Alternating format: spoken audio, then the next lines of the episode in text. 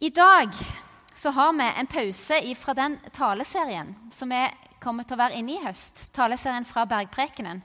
Eh, Jesus sin tale på, på fjellet, som vi bl.a. kan lese i Matteus 5, 6 og 7.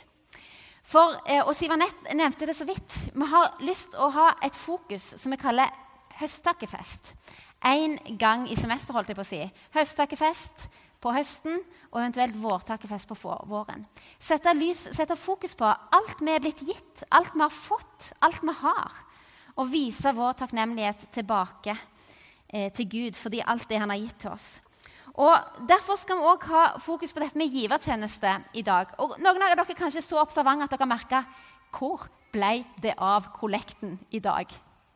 Noen har kanskje ikke lagt merke til at vi ikke har hatt kollekt. Det skal vi ha på slutten av gudstjenesten i dag.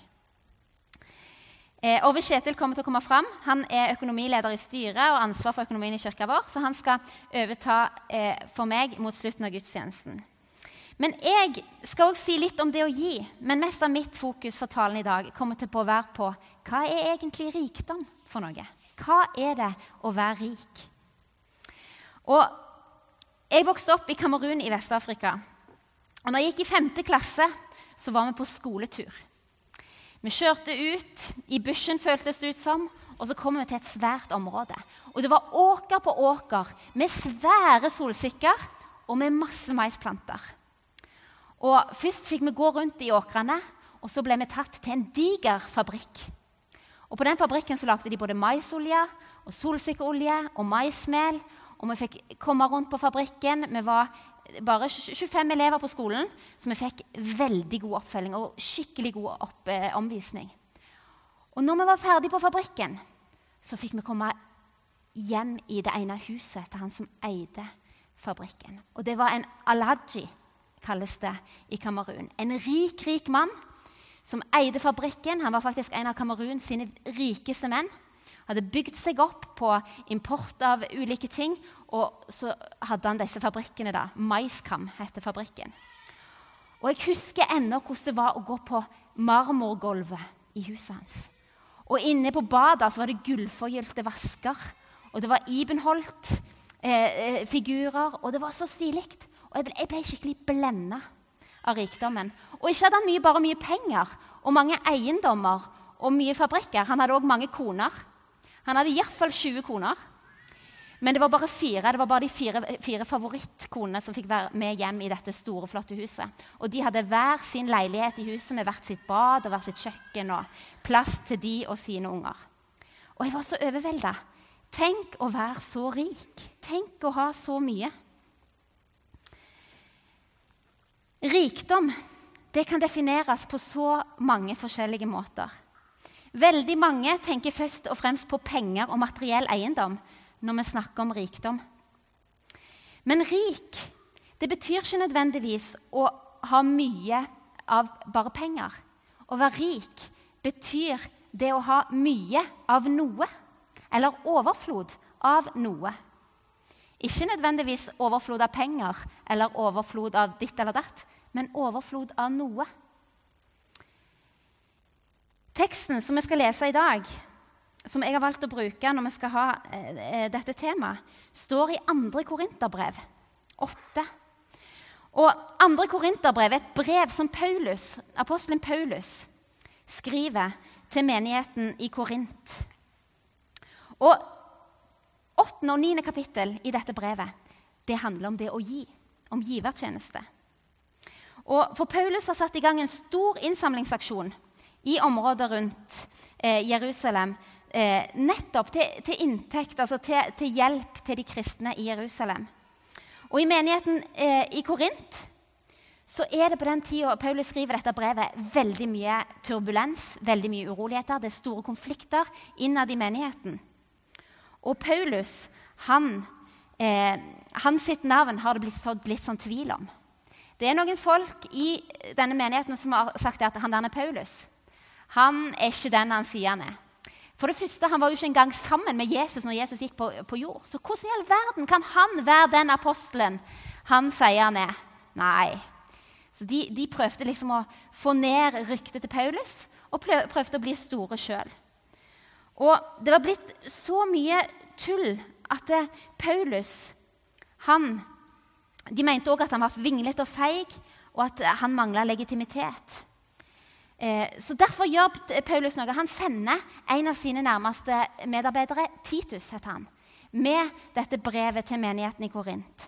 Der Paulus både forsvarer litt ryktet sitt, men òg er tydelig på at sånn som dere holder på, kan dere faktisk ikke holde på. Eh, for, for Paulus hadde fått mye dårlig behandling. Og I denne kampen heter så sender Paulus dette brevet. og Det er både et tydelig brev og et irettesettende brev, et forsvarsbrev. Men så gjør han noe til da, i kapittel 8 og 9. Han oppfordrer denne menigheten, som han egentlig er litt i konflikt med, til å være med å gi. Dere skal være med å gi. Og måten han gjør dette på, er ganske kult. Fordi han bruker en annen menighet som eksempel på hvorfor en skal gi. Og Dette skal vi lese om nå. Det står i 2. Korinterbrev, eh, kapittel 8, fra vers 1 til 9. Og vi skal lese det sammen. Jeg skal bare ta opp denne litt, for jeg ble litt stressa for den var så lav. Sånn. Paulus skriver det. Og han kaller, han kaller disse folka i Korint for søsken. Fordi en er, når en kjenner Jesus, så er en brødre og søstre i han. For Gud er vår far. Vi vil nå gjøre det kjent for dere søsken hvor stor nåde Gud har vist menighetene i Makedonia. For i sin nød ble de hardt prøvet.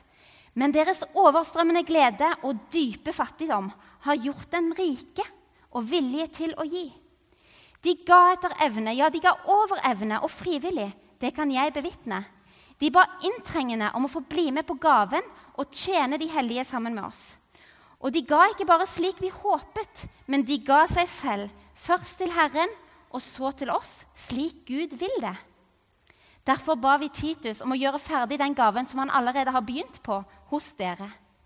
Dere har jo overflod av alt, av tro og tale, av kunnskap og iver, og av den kjærlighet dere har fra oss. Så må, også, så må dere også med denne gaven vise deres overflod.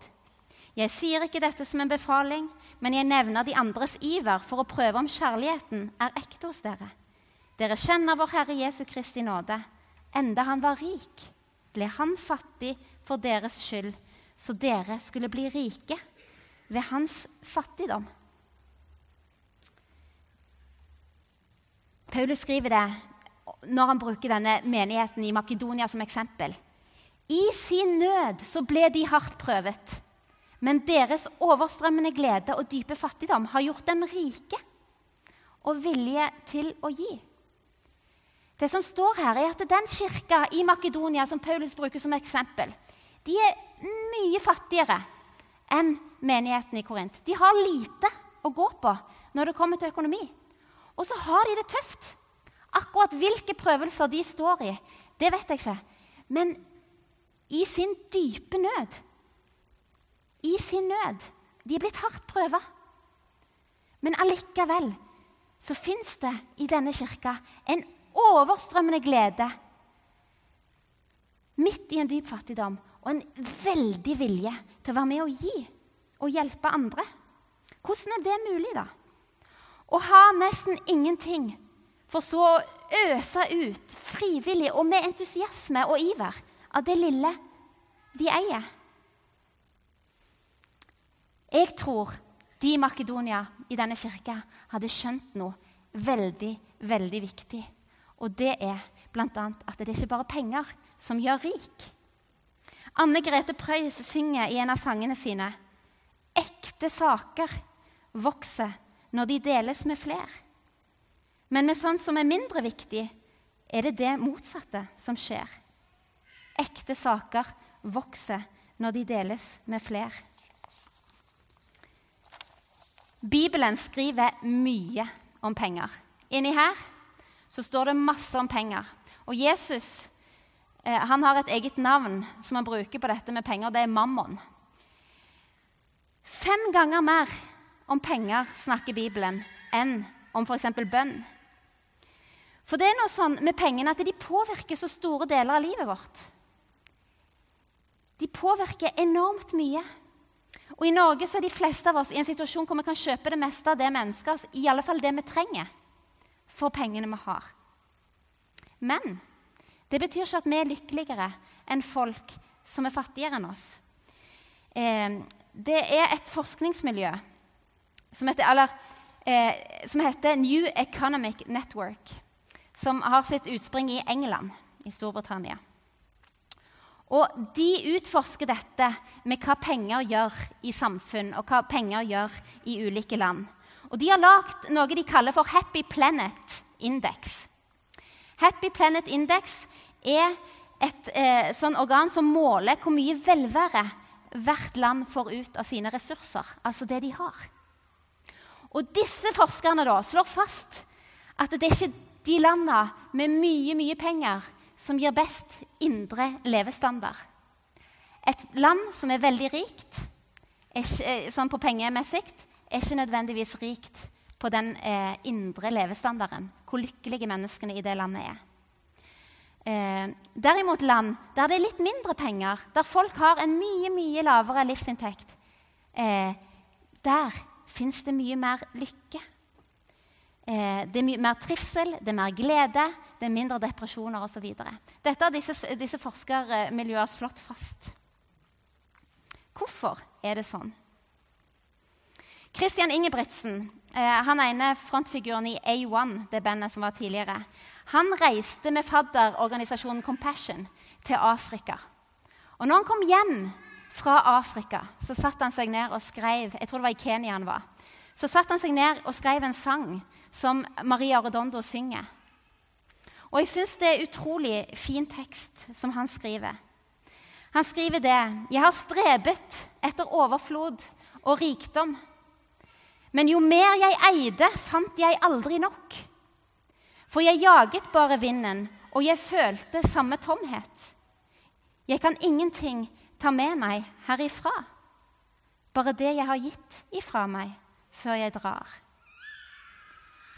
Han skriver videre.: Jeg forsynte meg av alt som jeg begjærte, og jeg nektet mine øyne ingenting. Men jeg jaget bare vinden, og jeg følte samme tomhet. Jeg kan ingenting ta med meg herifra. Det jeg fant, er at rik, det blir den som gir, og at lykken er å bli elsket igjen. Når jeg kjenner etter ydmykhet og visdom, og jeg elsker de omkring meg som meg selv, ble jeg løftet opp av vinden, og mitt liv får større mening. Jeg vil ingenting ha med meg herifra, bare det jeg har gitt fra meg før jeg drar. Jeg syns det er sterk tekst fra en som har fått alt det han har ønska. Jenter i hordetall sto foran dem når de sang i A1. Masse penger, store inntekter. Men i møte med arbeidet til Compassion i Afrika så skjedde det noe med hjertet hans. Og han så at ingenting av de materielle godene jeg eier, kan jeg ta med meg videre. Det er forgjengelig. Det tar slutt en gang. Det er noe mer. Og det å gi, det å bli elska igjen, det er det som holder. Og For eh, halvannen uke siden var vårt Toto, barnekoret fra Uganda, her i kirka vår. En haug med foreldreløse barn enten mista én eller begge foreldrene sine, eh, står her og synger for oss. Og så hadde de med seg en haug av ledere. Og vi hadde eh, to, eh, to, av de guttene og en leder hjemme som sov hos oss. Og Det slo meg i møte eh, med de. Det var et bibelvers som slo meg i møte med de. Og Det er det Jesus som sier til disiplene sine i, i eh, Matteus 6.: Vær ikke bekymra. Vær ikke bekymra. Livet folkens, er mer enn maten dere spiser. Og kroppen den er mer enn klærne. Det er noe mer. Og i møte med disse ungene Jeg lagde middag til dem her, eh, meg og Ingrid. Og, og møte med den gleden og det lyset, det glimtet de har i blikket, den friheten De var disiplinerte som få. Eh, når de voksne snakket til dem, så stilte de seg på rekke. Men når de var i lek, og når de sang, de hadde en dybde i blikket, en glede i blikket, som sier at de har fått smakt litt på det. At livet er mer enn bare det vi eier. Livet er mer. Paulus skriver i teksten Dere kjenner vår Herre Jesu Kristi nåde. Enda han var rik, ble han fattig for deres skyld. så dere skulle bli rike ved hans fattigdom. Og dere eh, tror jeg vi kan eh, ta med at det er alle mennesker Jesus ble fattig for at mennesker skulle få lov til å bli rike ved han. Og hva vil det si, da? Jesus ble fattig så du kunne bli rik. Det står i Filippabrevet 2 om Jesus at han var i Guds skikkelse, men så det ikke som et røveri å være Gud lik. Men han ga avkall på sitt eget, tok på seg en tjenerskikkelse og ble mennesker lik. Når han sto fram som menneske, så fornedret han seg og ble lydig til døden, ja, døden på korset. Og han Nathan, han lederen til disse eh, to Watoto-guttene som bodde hos oss, han var 25 år. Og meg og Torfinn satt og hørte litt på han og ble slått av undring. Og på et øyeblikk tenkte jeg vet du ikke at jeg er pastor? Han var 25 år, og han satt og øste ut og fortalte fra Bibelen som jeg aldri hadde hørt hva som sto her før.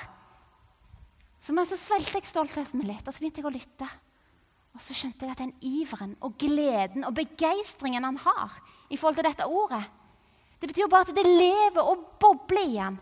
Og han sa, 'Skjønner du det, Elisabeth?' sa han. Tenk deg, ville, Det eneste Gud ville, det var å ha vår oppmerksomhet. Og tror du ikke at Gud kunne frelst verden uten Altså, Gud, Alt er jo mulig for Gud. Men fordi han elsker oss så høyt, så ble han oss lik. Han ble menneske for at vi skulle forstå det litt bedre. Bare se for deg maur som kryper på bakken, sa han. Tror du at du, hvis du står over mauren og vifter til dem og prøver å få deres oppmerksomhet fordi at du vil si dem noe, så hører de? Nei, de må jo ha blitt vettskremte. Og det skjønte Gud òg med oss mennesker. Så han valgte å bli menneske, fornedre seg sjøl og bli et menneske som meg og deg. Og la alle prøvelser i det å være menneske og velge alle de prøvelsene på kroppen. Og så var han uten synd. Og det, at det å være menneske kan være vanskelig, det visste Gud. Og for at vi skulle forstå det, så ble han mennesker lik, sånn som det står i denne teksten. Han tok på seg en tjenerskikkelse og ble menneskelik og sto fram som et menneske. Og Jesus visste hva det ville si å være sulten. Jesus visste hva det ville si å være ensom. Jesus visste hva det ville si å bli spotta og mobba og ikke likt. Folk spytta på ham, folk snudde ryggen til ham. Jesus visste og vet hva det vil si å dø, som alle mennesker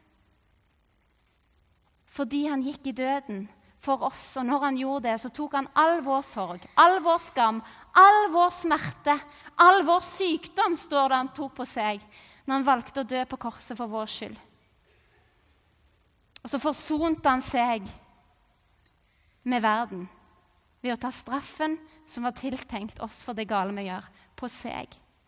For at vi skulle bli rike ved hans fattigdom.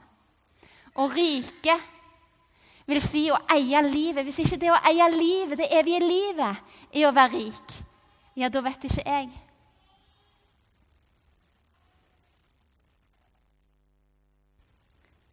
Gud ville ha vår oppmerksomhet. Han ville forsone verden med seg. Gjenopprette det som var ødelagt. Og har du erfart hvordan Jesu nåde berører et hjerte, et beliv, et liv? så vet du at den rikdommen den kan ikke måles i penger.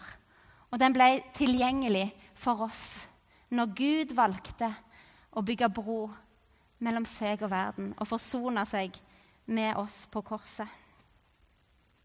Bare Jesus kan gi fullkommen lykke. Solkjølven, dere kan komme fram nå. Bare Jesus kan gi eh, fullkommen fred. Bare Jesus kan gi fullkomment håp. Og bare Jesus kan gi evig liv. Evig liv. Det betyr at det er håp for den som er kreftsyk, selv om han ikke blir frisk.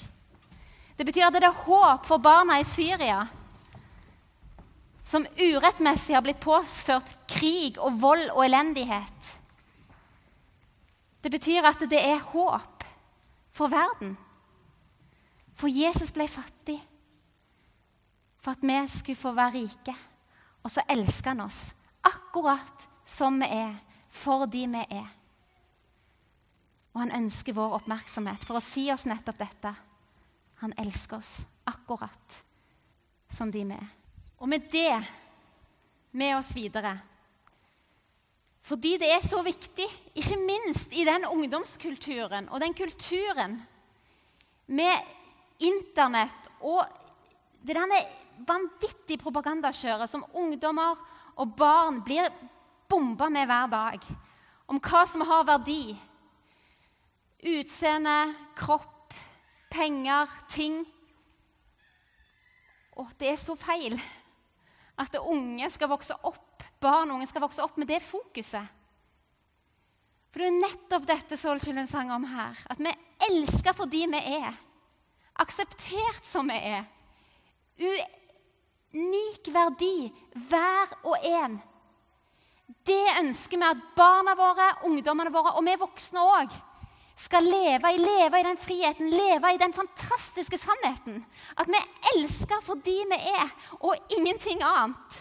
Ikke for hvordan vi ser ut, ikke for hvordan vi er, eller eh, hva vi presterer. Men vi elsker fordi vi er barn.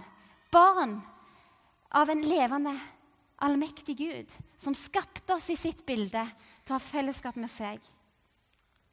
Og nettopp på grunn av at det er det budskapet vi forkynner i denne kirka, det er det budskapet jeg ønsker skal bli spredd ut til barn og ungdom og voksne i byen vår og i landet vårt. Det er med det i minnet og i bevisstheten at jeg kan si de neste tinga som jeg skal si nå. Og det er mest til de som er en del av menigheten og kjenner at dette er vår kirke. Eh, for ut av teksten jeg leste tidligere, så skal jeg trekke tre prinsipper om dette som handler om givertjeneste og det å gi. Paulus når han skriver dette brevet til denne menigheten i Korint, og vi kan ta det til oss òg Han oppfordrer til å være med og gi inn i det arbeidet som, som, skal formidle budskapet, som skal formidle evangeliet og friheten i det å være i Kristus. Så er det tre prinsipper som han løfter fram. Og det er én Vi skal gi av det første. I Matteus 22, eh, vers 36-37, så kommer det en av eh, disse lovkyndige som det er kalt i Nye Testament, og prøver å utfordre og sette fast Jesus. Og Så spør han Jesus, 'Mester, hvilket bud er det største i loven?' Og Jesus svarer, 'Du skal elske Herren din Gud av hele ditt hjerte og av hele din sjel og av all din forstand.' Vi skal gi vår første kjærlighet tilbake til Jesus. Det handler givertjeneste om. Og så skal vi gi det første av vår tid. Hvordan prioriterer tida med tida vår? I apostelgjerningene 20 så står det om at Paulus den første dagen i uken var samla for å bryte brødet sammen med de andre som trodde på Jesus. Og Paulus talte til den, og han holdt på helt til midnatt siden han skulle reise neste dag.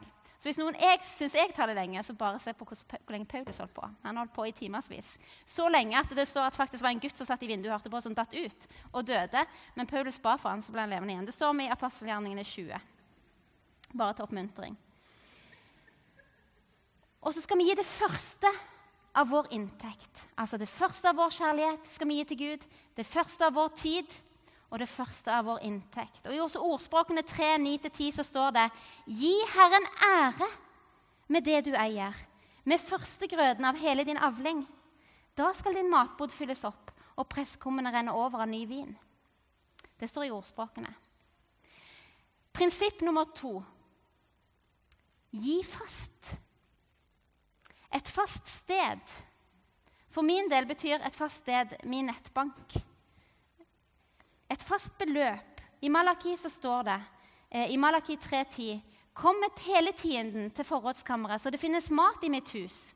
Prøv meg på denne måten, sier Herren over herskarene. Jeg skal sannelig åpne himmelens sluser og øse utover dere velsignelse uten mål. Fast sted, et fast beløp, og et fast tidspunkt. I 1. Korinterbrev 16,2 står det første dag i uken skal hver enkelt av dere hjemme hos seg selv legge til side så mye som dere er stand i, eh, for at innsamlingen ikke først skal begynne når jeg kommer. Altså prinsipp 1 gi det første vi har, til Gud. Prinsipp 2 gi fast. Og så prinsipp 3 gi det beste vi har. Gi det beste vi har, tilbake til Gud. Hva er det, da? Hvis det er sånn at vi har fått det aller, aller beste gratis, i gave, liv i Han, nåde, overflod, frihet Vi er fri fra fordømmelse. Den som er i Kristus, er fri fra fordømmelse. Jesus sa til kvinner som de hadde grepet i, i ekteskapsbrudd De hadde tatt henne på fersken, sannsynligvis bare for å ødelegge for Jesus. Hiv dine ned foran Jesus. Og Så sier Jesus, de av dere som er uten synd, kan kaste den første steinen. Og stein etter stein faller til bakken. For de klarer Alle har vi synda. Alle gjør vi noe galt. Og Så sier Jesus til denne kvinna, full av skam og, og, og, og smerte og ufrihet, der hun sitter på bakken og har blitt fornærma offentlig. Så spør Jesus ser du noen fordømmelse hos de som har stått og ville kaste stein. Nei, sier kvinnen. Sier Jesus, heller ikke jeg fordømmer deg. Reis deg. Reis deg, som den kvinna du er. Heller ikke jeg fordømmer deg. Jesus fordømmer ingen. Han dømmer synden, men han, han elsker alle enormt. Mye mer enn vi noen gang kommer til å fatte og forstå. Og Når vi har fått tatt imot den kjærligheten, når vi har fått erfare Hans nåde i livet vårt, så er vi kalt til å gi det beste tilbake. Vi leser om Jesus, eh, Maria før Jesus skulle inn i Jerusalem før påske. han skulle bli korsfestet, så, så hadde de lagd en fest hos han hjemme hos eh, Lasarus og Martha og Maria. Og så står det at Maria faller på kne foran Jesu føtter. og så, og så eh, salver hun føttene hans med kostbar nardussalve. Skikkelig dyre greier. Og Judas han ble så frustrert. Hvordan kan du sløse den dyre salven på føttene til Jesus? Den kunne jo kjøpt så mye for. Men Maria hadde erfart Jesus sin kjærlighet i livet sitt og ga sitt aller beste til Jesus i møte med han.